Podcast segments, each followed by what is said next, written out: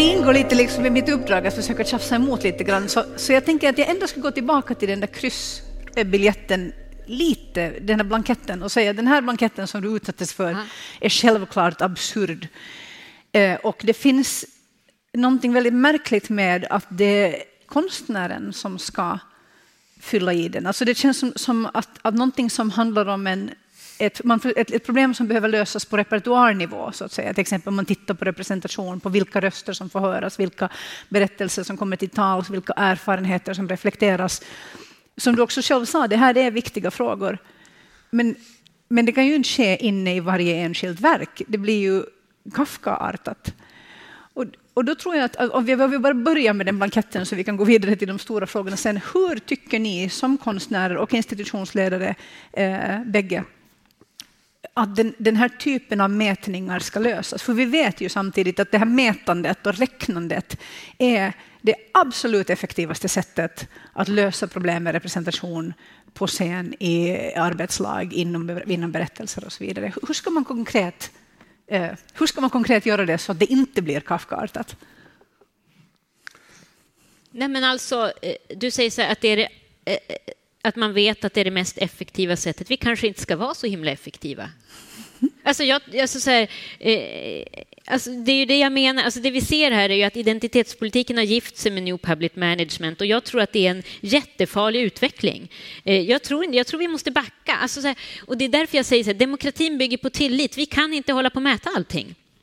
Eh, jag tror att, eh, och det är därför jag säger om vi backar och försöker lösa problemen på en annan nivå, då måste vi lita på att vi kommer till rätta med det här. Eh, jag, jag, tror det. Alltså, vi kan inte få allt. Men när det gäller de kvinnliga konstnärskapen till exempel så, så har vi försökt med det. Vi försökte med det i 50 år och sen när vi började räkna så började vi se omedelbara resultat. Jag hatar New Public Management. Jag tycker det är vidrigt. Och jag, men, men det finns ju någonstans gräns där där för, att kunna, för att kunna enas om utgångsläget, som du sa alldeles i början, ja, det finns ett representationsproblem. Ja, att, att det finns strukturella orättvisor i, i, i samhället och så vidare. Det här vet vi ju för att vi har räknat på det. Så, så en del av räknandet känns väl bra? Jo, men jag kan säga så här. Jag menar att eh, alltså här, som när jag har varit chef har jag alltid räknat. Eh, men jag menar att jag ska inte behöva lämna den räkningen till någon annan. Alltså det, mm. det, det, är mitt eget ansvar. På samma sätt som... Alltså jag, jag är motståndare till all form av kvotering, men jag idkar kvotering själv i allt jag läser och tar in. Så. Alltså för varje kvinnlig författare jag läser måste jag läsa en manlig. För varje veckotidning jag prenumererar på från vänster så prenumererar jag på en från höger. För varje, ja, men det är sant, jag gör det. För att jag vet att jag måste liksom utsätta mig, för, alltså medvetet utsätta mig för det. På samma sätt så eh, sysslade jag som chef med en form av kvotering, men jag sa det inte till någon. Enskilda människans moral att försöka göra någonting åt problemen. Tror jag. Alltså jag vill ju liksom backa till en större tillit till människan. Mm. Nils? Ja, men jag, jag håller, det är svårt att inte hålla med, uh, så det gör jag. Jag håller med. Men jag tycker det, på institutionsnivå så, så är frågan också uh, en viss grad av institutionell olydnad. Uh, därför att New Public Management har nått den nivån där New Public Management också reproducerar sig själv och inte längre är, är en praxis som etablerades bara för att undvika att alla pengarna försvann i stora mörka hål. Jag, jag håller helt med att skattefinansierad verksamhet naturligtvis ska granskas, att det finns ett ansvar. Problemet är att vi har kommit så långt i det administrativa rapporterandet, att vi har glömt verksamheten. Vi har glömt tilliten. Vi har glömt att vi faktiskt också själv har rätten att utforska och utveckla. Eh, och samtidigt så är New Public Management det, det, det är värderingspreserverande, det, det är bevarande, det, det är inte utvecklande. Det har ingen idé om att utveckla samhället, det har en idé om att redovisa samhället. Men samhället, alltså, då kommer vi förfarligen vans. Så någonstans så tänker jag att vi måste våga skapa rum för tillit. Vi måste skapa rum för att våga vara oense, för det är också en sån där rädsla. Eh, jag kan tycka att vi kanske bråkar för mycket i Danmark, men, men, men, men det har slagit mig rätt mycket att i det offentliga rummet i Sverige är det en extremt civiliserat samtal som är fullständigt friat för konflikt. Och jag tänker, ja, men det är ju i konflikten att meningarna brytas. Det är i konflikten att jag kan flytta mig. Så jag, jag tänker på, jag har, jag har en sån där historia ringande, jag är gammal museichef. Och jag var med att skriva museilagstiftningen på slutet av 90-talet. Museerna i Danmark är underbemannade, underfinansierade, allting är åt helvete och alla klagar. Mm. Men, men, det som är intressant är när man sen går liksom på djupet, vad, vad, vad, när, blir det, när var det bra hur, vad, ska, vad ska till för att det blir bra? Så ber de egentligen om att få tiden mellan 96 och 99 tillbaka. Varför? Jo, för då var det faktiskt någon som sa vi ska göra en ny museilagstiftning. Vi kom lite sent till den här fyraårsperioden. Ni har tre år på att försöka testa, göra saker och sen tar vi erfarenhet av det och skriver en ny lagstiftning. Och aldrig har de känt sig friare och sett i, i, i backspegelns evigt klara ljus.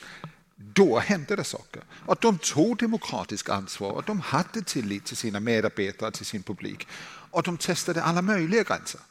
2018 då ingen säger det på riktigt med SMK och vissa andra undantag testa gränserna. Because they don't dare. Mm. Och det där handlar om Public Management. En enorm rädsla för som chef att hamna utanför redovisningssystemet och få smisk på fingrarna och i värsta fall förlora jobbet. Och där tror jag vi måste vara institutionellt olydiga. Men det känns det också alltså för institutioner och särskilt offentligt finansierade institutioner, men precis som du säger, oavsett varifrån pengarna kommer så kommer de ju med implicita och explicita krav. Och, och de offentliga institutionerna har uttalade syften och det är ju bra, därför vi har många olika, de har många olika syften. Men där känns det som att, det, att, att ledningens viktigaste uppdrag, eller ett, en av ledningens viktigaste uppdrag borde ju vara att isolera konstnärerna eh, från Eh, de här, eller, eller, eller filtrera och översätta till det här är vårt konstnärliga mål. Utdra, dra ut konstnärliga mål ur, ur de här ur byråkratiskan och sen skapa de där ramarna inom vilken alla får, får jobba fritt. Och också utmana självklart, ha fruktbara spänningar. Är det, är det realistiskt? Är vi, har vi idag ett system där det är möjligt att ha den typen av frihet och den typen av fruktbara spänningar inne i organisationerna? Ja, men mer eller mindre, tänker jag. Men, men jag menar, det, det, det första man måste erkänna, som ingen i princip erkänner, är att, att bara ha en offentligt finansierad kultur, det är ju en politisk styrning. Alltså, det kommer det alltid att vara. Och därför tycker jag en sån Eh, eh i princip är det inget politiskt parti som, som erkänner det.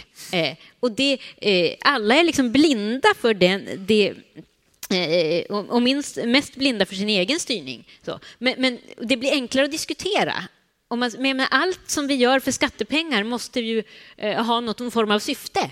Eh, så det blir ju det. Sen kan man ju, som du säger, det är det, det som är armlängds avstånd där, att, man, att det men nu har det liksom krympit ner till något lillfinger eller någonting när, när, det liksom, när man sitter med blanketterna där som regissör själv. Så där är det något som du säger att om vi ska kunna upprätthålla liksom armlängds avstånd inom den styrningen vi har, då ska ju åtminstone cheferna se till att, att det inte sipprar ner på den nivån. Mm. Så. Jag tror det, alltså jag håller helt med igen. Jag tänker historien om Macondo i, i Tyskland är är otroligt intressant. Därför att både Danmark och Sverige så reglerar vi allting genom nya tilltag och nya eh, appendixes till våra lagstiftningar. Och till sist så, så är rörelsefriheten fullständig. Ja, jag ska göra någonting som mm. är så jävla politiskt korrekt att det är egentligen mer intressant att inte göra det mm. än att göra det. Och, och, och det, det, här, det här rummet också till att göra fel. Alltså vi är så otroligt rädda för att göra fel, men det är i felet någonting händer. Det är i misstagen någonting händer. Ja, men alltså, nu när du säger det, att till slut blir det enda intressant att inte göra någonting. Alltså det tydligaste exemplet vi har på det idag är ju nu SDs kupp av utställningen på Fotografiska museet. Har ni hängt med i den?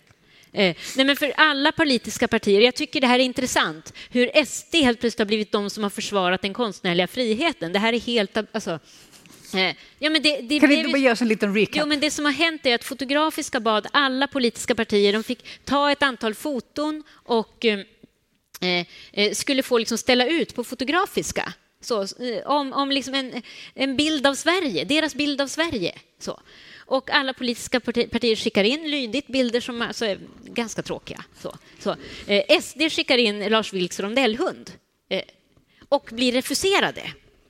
Eh, Eh, så att Fotografiska hänger upp fem tomma ramar. Alltså det är ju helt genialt. Fem tummar av bättre konst kan ju inte finnas än de andra tråkiga fotona. Och dessutom så går de då dit till eh, vernissagen tillsammans med Lars Vilks.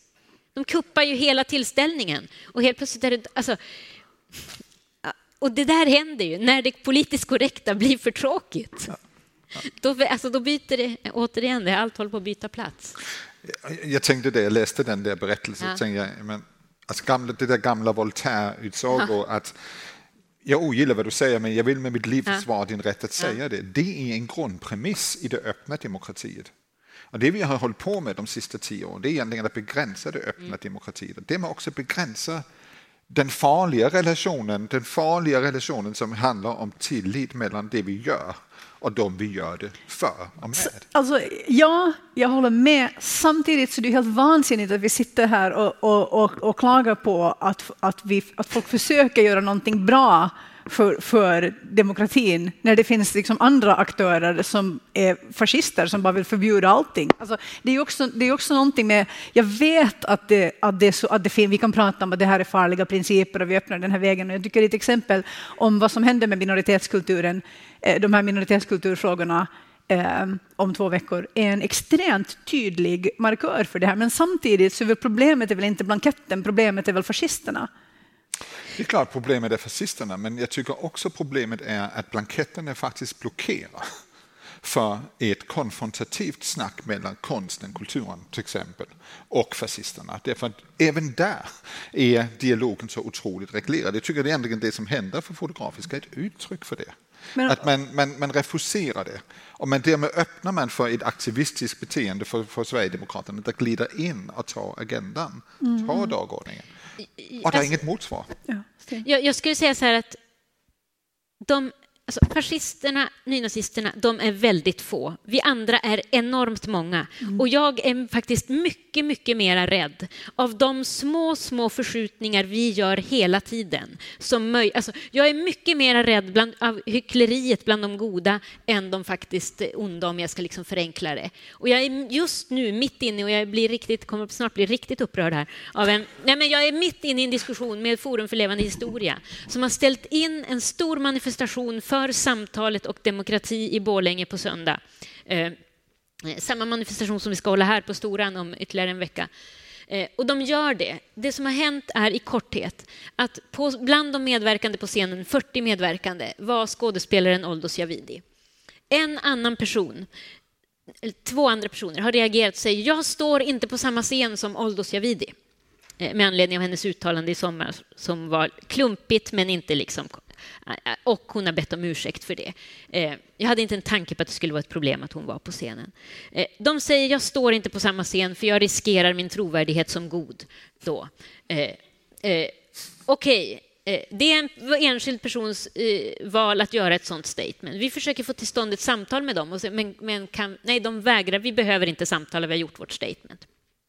Där kunde det ha slutat. Men då har Forum fått kalla fötter. Det kan ju vara fler som tänker att hon kanske är en kontroversiell person ändå. Det kanske är folk som till och med tänker att hon är antisemit. Det kanske till och med är folk som tänker det. Alltså, och så börjar man agera på ett rykte, på ett rykte, rädd för att Forum för levande historias rykte ska befläckas, rädd för att, rädd för att, rädd för att. Eh, och man väljer. Jag säger bara så här, jag accepterar inte en lösning där vi plockar bort Oldos Javidi från scenen för att en annan människa inte kan stå bredvid henne. Om vi hade sagt jag står inte blev en kvinna från Iran på scenen. Eh, det är hon, hon är en kvinna från... Hur hade vi gjort då? Eh, alltså hur lågt får taket bli till vilka som får tillhöra de goda? Alltså, hur, eh, alltså, I kampen mot de där så, så smalnar alltså, Har man granskat vad alla personer har sagt som ska stå på scenen i alla år? Ska en statlig myndighet göra det? Eh, frågar jag. Man väljer ändå. Och jag säger att jag accepterar inte den lösningen, då kan inte jag stå bakom det här som regissör. Då, då väljer man att ställa in hela manifestationen. Det är väldigt intressant att... Och så, den som, förskjutningen, ja. alltså för mig är det här gungfly under fötterna. Det som, det som de är rädda för där är ju ett offentligt samtal ja. som är det som du efterlyser, som är enormt konfliktorienterat. Ja. Plötsligt så, så har vi fått ett offentligt samtal i Sverige och i världen på grund av internet, på grund av en massa olika saker, där man plötsligt kan, där, där det istället för en, eh, vad ska vi säga, konstruktiva konflikter har upp, uppstått en drevmekanik. Och man, så man bestämmer sig för att man hellre vill Att, alltså, det finns en det finns en drevmekanik eh, inom det, det, de politiskt korrekta, eller som vi tycker om att kalla oss själva sansade människornas kultur. Eh, också, eh, men också förstås på olika extremflöjlar, liksom, eller flöjlar säger på danska, extrem, eh, ute i, på kanterna eh, eh, politiskt. Eh, alla grupper har enats om en vansinnig drevkultur där allt som man inte kan hålla med om kan tystas. Och det gäller de goda krafterna och det gäller de onda krafterna, det gäller de som tycker om demokrati, det gäller de som inte tycker om demokrati. Och, och då, blir det ju, då har vi ju landat med ett extremt smalt offentligt samtal där man i, i, i, i förebyggande syfte låter bli att mm att göra någon upprörd, till och med på någonting som var ämnat som en demonstration som motstånd, vilket ju är alldeles mot, bisarrt. Och, men hur ska vi med trovärdighet kunna stå upp mot NMR om vi använder precis samma alltså, idé om att jag kan inte stå bredvid dig? Alltså, det blir totalt moraliskt hyckleri för mig. Det är, alltså, och för mig är det här förlängningen, när vi börjar liksom plocka ner alltså, och börjar räkna grupper i mindre och mindre och mindre bitar. Och blir så här, jag tillhör den här gruppen, du tillhör den här, du tycker så här, jag, tycker, alltså, jag kan inte ens stå bredvid dig för att du tycker så här, för då kan folk tro att jag också tycker så där. Eh, Fast här måste jag, det här tycker jag, alltså, jag tillhör en av de här nationella minoritetsgrupperna ja. som ni hör. Och grejen är att den, den där, de frågar ju om, om ja. ditt projekt har en Sverige-finsk koppling eller om du, har, om du, du gör teater på jiddisch. För att någon vissa projekt ska göra det. Det betyder inte att du måste göra det. Det är bara det är bra om det också finns projekt på jiddisch och då kan du gå in i den potten och det finns liksom kanske till och med lite öronmärkta pengar för det ändamålet. Det vill säga, det här är ett sätt att låsa upp mera resurser. Det är ju inte ett sätt att kontrollera innehållet i ditt verk. Och så jag, jag kanske ser den, det steget från att det är provocerande med en blankett till vi är rädda för ett offentligt samtal som har blivit helt vansinnigt. Det är den kopplingen som jag ändå känner att det är någonting där som jag inte riktigt Fast kan hålla med om. Det finns ju ingen som det finns ju inget behov av att varenda liten teatergrupp ska fylla i ett kryss i de där rutorna. Men om du gör teater på jiddisch, då kommer ju du förmodligen att skriva det i din ansökan och det kommer ju de att se. Det är ju inte så att alla ska behöva fylla i det där, för helt plötsligt kan, menar jag, det där omvändas till en kontroll. Det beror helt på vem som sitter och granskar det där sen. Det är det jag menar. Ja. Bakom ligger det ju en extremt raffinerad önske om att alla ska passa in i samma mall. Det är ju det stora problemet med New Public Management. Det är att det inte är öppet, det är inte transparent, det är inte poröst, för att använda Andrews ord. Mm. Att hans strukturer, de, de, de verktygen de har, är porösa, medvetet porösa. Uh, New Public Management är allt annat än poröst. Och jag, jag, jag tänker att, att ska, man, ska man utmana, min sista slide handlar ju precis om det. Ska vi hamna i en sits där det är en omedveten ekonomiförvaltning i Borås som sätter kraven på kulturförvaltningen i Borås, som sen får politikerna i Borås att sätta sig i teaterledarstolen därför att man inte vågar göra någonting som strider emot logiken, mm. då är man bränd. Därför att då är rekryteringen av den nästa teaterchefen redan satt in i en sammanhang som gör att väldigt många kommer aldrig söka den tjänsten. Därför att man vill inte in i en ofri struktur. Så det är inte för att människorna i Borås är dumma, men strukturen jobbar emot syftet om det fria samhället. Och det är det som är hela grundproblemet.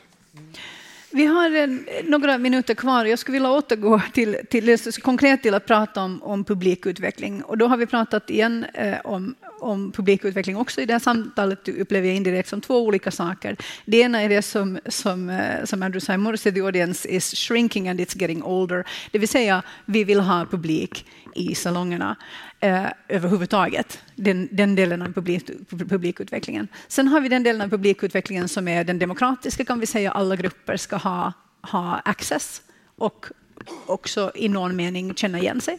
Och sen har vi det som handlar om någon sorts samtidsrelevans, eh, till exempel att yngre publikgrupper, eh, en del av de repertoarerna som spelas till exempel kan kännas irrelevant för dem. Och ibland är det ett, ett kunskaps en kunskapsbrist, men ganska ofta är det också bara en relevansbrist. Alltså det som vi själva gamla människor tycker är konstnärligt intressant, det är kanske inte det som alla tycker är konstnärligt intressant. Och det här är tre olika men relaterade problem.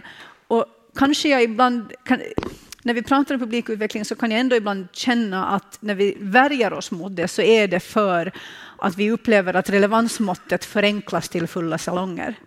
Och, det, och då hamnar vi i det där marknadsföringstänket som ingen av oss vill ha, som jag tror ingen i det här rummet vill ha.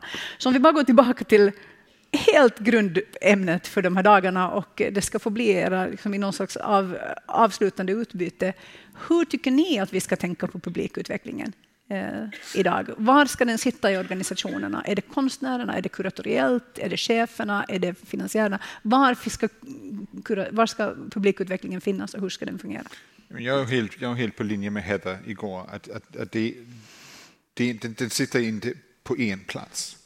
Utan publikutvecklingen i min optik och med den erfarenhet jag har, eh, handlar mer och mer om samhällsutveckling, handlar mer och mer om, om att reflektera den mångfald på alla nivåer som vårt samhälle består av.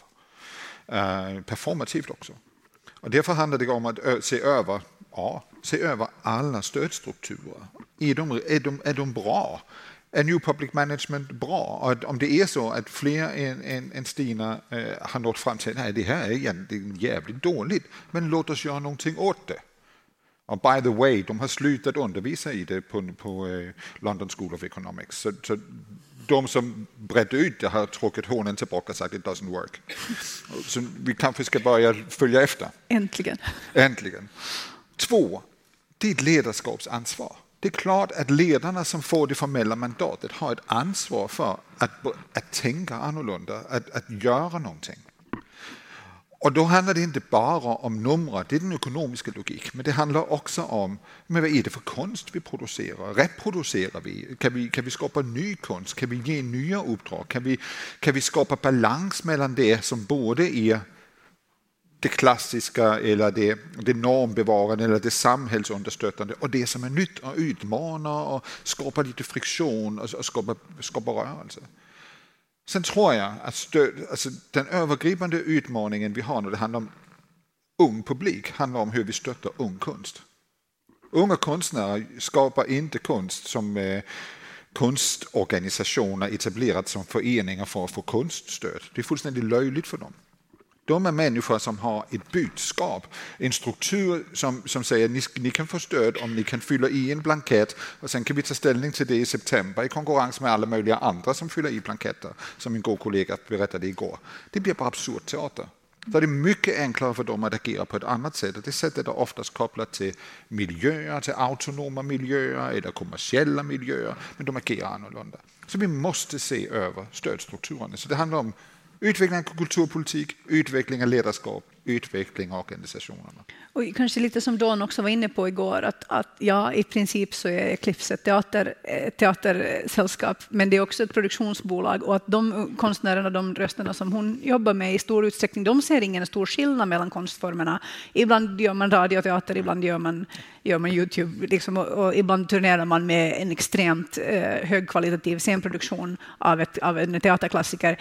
Och det, för, för dem är det samma, publiken som hon säger är bara där för the work. Eh, och då kanske det inte alls funkar med de här silostrukturerna för finansiering. Vad tänker du, Stina? Jag tänker att eh, det, alltså det stora problemet är att Alltså det är som att vi missuppfattar vårt kulturpolitiska mål, att alla ska kunna ta del av konst och kultur och att vi ska nå alla. För att alltså det är bra, men alltså allt ska inte nå alla. Alltså det, alltså problemet idag är att alla ska in i samma... Alltså alla ska nå alla. Och det, alltså, det är där problemet ligger, för då får vi något som är väldigt, väldigt tråkigt. Jag menar att det man ska göra är att se till att bidragen fördelas till väldigt olika typer av aktörer. Eh, där eh, Dramatens stora scen har eh, en typ av alltså, repertoar, de behöver kanske inte nå alla. Eh, en annan grupp når de där. En, en liten fri grupp i Södertälje når de där. En grupp med Eh, eh med liksom invandrartjejer som dansar där, de når de där. Alltså, vi behöver inte tänka att vi måste ha den perfekta mångfaldsmixen i varje salong. Eh, alltså, jag tror inte att det går. Jag tror inte vi kan skapa bra konst på det sättet. Jag tror att var, alltså, vi måste lägga högre krav liksom, eh, på att bidragsgivningen själva tar det ansvaret med fågelperspektivet att säkerställa att det är en mångfald aktörer som får bidrag. Eh, och sen måste vi ställa högre krav på att varje institution eller grupp definierar vad är kvalitet för dem. Alltså jag tror att det ligger i kvalitetsfrågan. För att eh, vi måste utgå från att alla konstnärer, alla eh, in, så, fria grupper eller institutioner, de vill ju nå ut. Alltså, och, eh, och då vill man göra det med något som är så bra som möjligt. Och, och diskussionerna ska handla om kvalitet och vad man vill göra. Eh, det tycker jag måste vara det centrala. Då tror jag man kommer att nå. Och vi kommer att nå nya aktörer, men, men som sagt inte alla. All. Stort tack. Där är vår tid slut. Nils Sigholt och Stina Arsgårdsson.